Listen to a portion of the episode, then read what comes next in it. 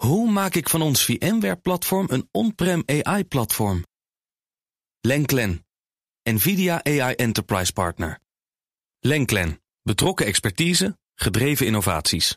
Tech Update. Jo van Buurik, goedemorgen. Bas van Werf en Ivan van Rips, goedemorgen. We gaan het praten over Tesla, want daar lijkt het helemaal niet zo slecht te gaan. Of toch wel, ja, je krijgt weer wisselende berichten... en het komt een beetje door de hoofdman van, het, uh, van de troep, hè? Ja, maar hij moet toch even spreken als de kwartaalcijfers worden gepresenteerd en toegelicht... zoals afgelopen nacht gebeurde.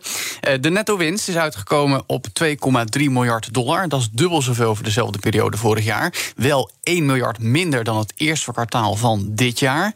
En na de eerste maanden van 2022 is ook de omzet gedaald met bijna 2 miljard. Er werd nog 16,9 miljard dollar binnengehaald. Wel flink hoger dan dezelfde periode vorig jaar. Dus ja, een beetje wisselende berichten. Maar het grote verhaal is, Bas, waar we het vaak over hebben... dat de afgelopen drie maanden er veel minder auto's zijn afgeleverd.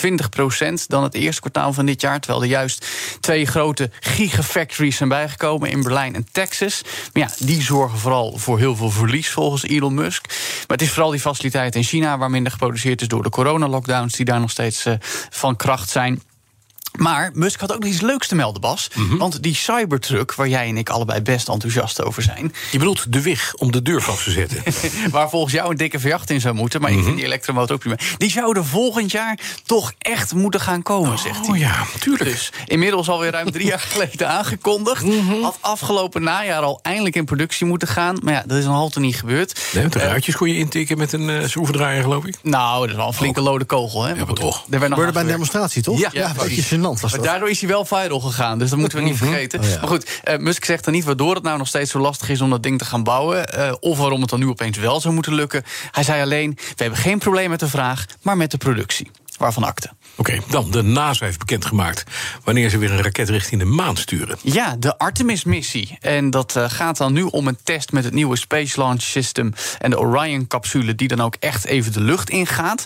Dat moet op zijn vroegst nog deze zomer, einde zomer, gaan gebeuren, 29 augustus. Lukt dat niet, dan wordt het daags erna op 2 of 5 september.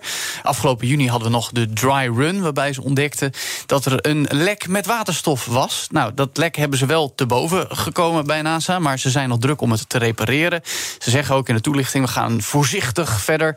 Uh, want ja, ze willen niet dat er nog meer misgaat, omdat het toch al een heel belangrijk proces is, uiteraard. Eind deze zomer moet hij dus dan echt een keer gelanceerd worden, nog wel zonder bemanning.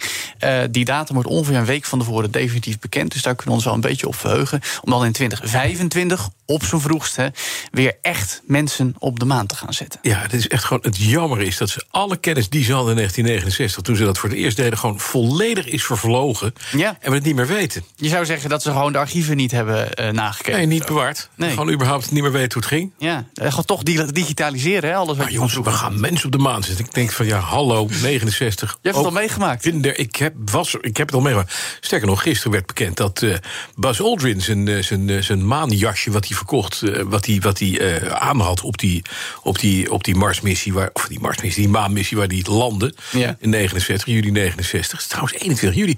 Jongen, dat is gewoon vandaag. Nou ja, zeg.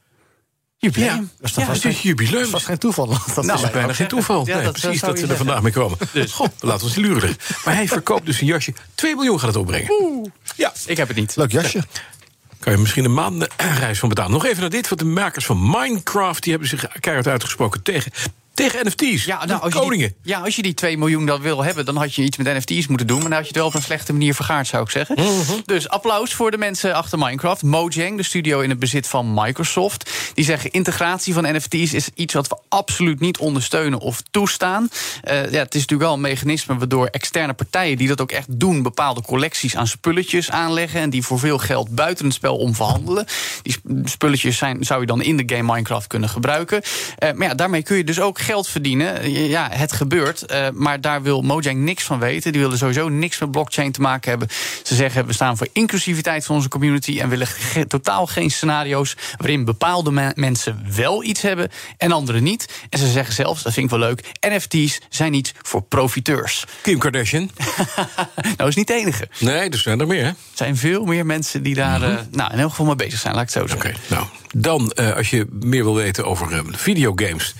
dan kun je dat doen in de nieuwste aflevering van jouw podcast All in the Game. Hè? Want je gaat het daar hebben over videospelletjes. Ja, nou, daar gaat het eigenlijk altijd over. Ja. Nu gaat het over Awesome Space.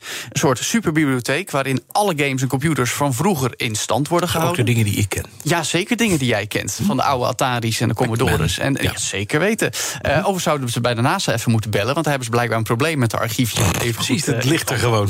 dus, Maar goed, Awesome Space zit al jarenlang in Utrecht. Zoek een nieuwe, nieuwe locatie. En Bas, dit is super belangrijk om het voor het nageslacht te bewaren. En dat willen we ook met boeken en met auto's. Dus met games moet dat toch ook kunnen. Ja, en dat heet dan Awesome Space. Awesome Space. Maar dat hoeft niet, die kan je toch in een bezemkast kwijt, die spelletjes? Nou ja, in een serverkast zelfs. Maar je moet ze ook ergens op kunnen spelen. En je wil gewoon die oude apparatuur natuurlijk ook gewoon kunnen En gebruiken. dan moet je dus een oude televisie hebben met een buis. Ken je dat nog niet? Ja, daar hebben ze er honderden van daar. Ja, dat is mooi. Dus moeten we wel ruimte hebben om neer te zetten. Maar daar gaat het over, de nieuwste aflevering van de podcast. Ja. All in the game te vinden op, bnr.nl. En jouw favoriete podcast app.